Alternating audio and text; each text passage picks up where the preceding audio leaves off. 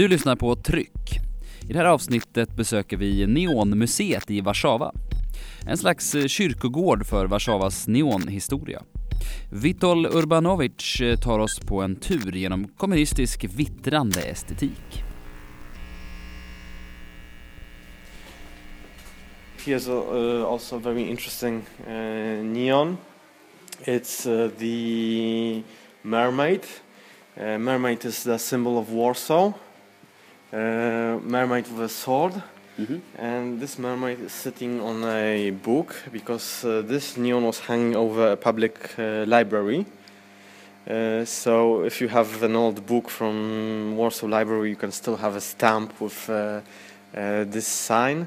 So it's very precious um, a, piece in our collection because it's the symbol of war, so a very nice pink uh, mermaid. What about the sound?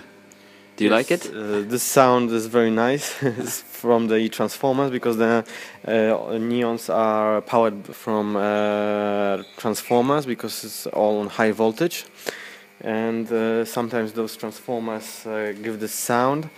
Or if uh, the neon is old, like here we have an old neon Caro, which we didn't repair. We just uh, connected the existing neon tubes, and. Um, and sometimes there's mm, some kind of uh, mm, shortcuts so that's mm, the uh, reason why the sound is sounding Would you like it? yeah it's very very nice we uh, bring here those old neons that can't uh, be located on the streets because we think it's uh, worth uh, to save them. Uh, there's something different than the um, nowadays advertising, and uh, those neons were planned and designed by graphic designers, architects uh, as an integral part of street streets, buildings. Uh, so they they were designed uh, especially for each spot, for each shop, uh, for for the building. Every advertisement uh, was supposed to be uh, approved. Uh, so it was a very planned way of advertising the communist times, and took up to two years uh, before the neon actually appeared on the street uh, after the project was made. Uh, so it's something different than we can see now on the streets of uh, Warsaw and other cities of Poland. We actually opened what we call uh, a neon emergency, and everyone who knows or has a neon that uh, will be taken down or is in danger of being thrown away can contact us, and then we'll take uh, uh, action quickly. Restauracja Ambassador. It's uh, Ambassador restaurant. It was one of the restaurants in the nice district of Warsaw. And this neon was saved by a former ambassador of Luxembourg because he was very fond of uh, design, post-war Polish design, and he was uh, driving through uh, the street where the neon was hanging, and he noticed that the neon is uh, being taken down. Uh, so uh, when he mm, arrived at the embassy, he said to his uh, assistant to go to the place and save the neon. Uh, so that neon uh, then was saved and uh, stored in the garage of the Luxembourg embassy. And as the ambassador now moved to another country, he passed this uh, neon to our collection. Uh, what was his name? Do you remember? Uh, well, I don't remember what I have here. Okay, it's uh, Ronald uh, Doffing. I think now he's in Greece, but I'm, I'm not sure. När Sovjetunionen föll och planekonomin fick se sig besegrad lades Warszawas neoniseringsprojekt ner. Just nu pågår en debatt i staden om hur den ska se ut.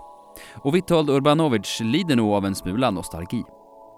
We have a big uh, problem with advertisement because we've gone, I think, too far with free market and advertising. Uh, because now uh, everyone can make an advertisement, everyone uh, can put it everywhere.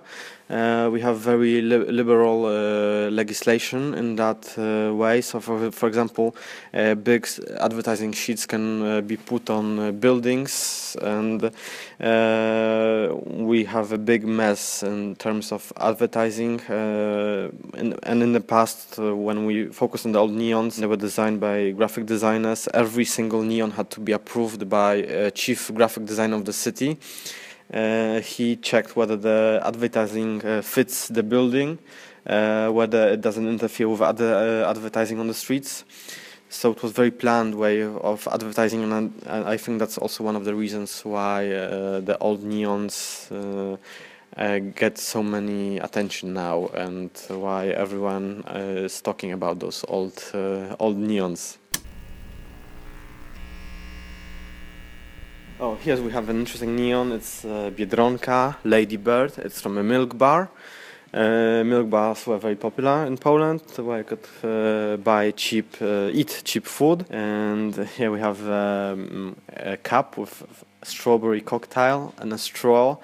And also, people who visit us uh, like this neon very much. And even uh, one girl uh, tried to lick the neon, but that's not very safe. because it's all high voltage. So uh, although we try everything to be safe, uh, it's not it's not a good way to appreciate the neons. Du har lyssnat på Tryck. Glöm inte att eh, prenumerera på podcasten och gå gärna in och ge ett betyg eller två. Det skulle hjälpa oerhört mycket. Vi hörs igen snart.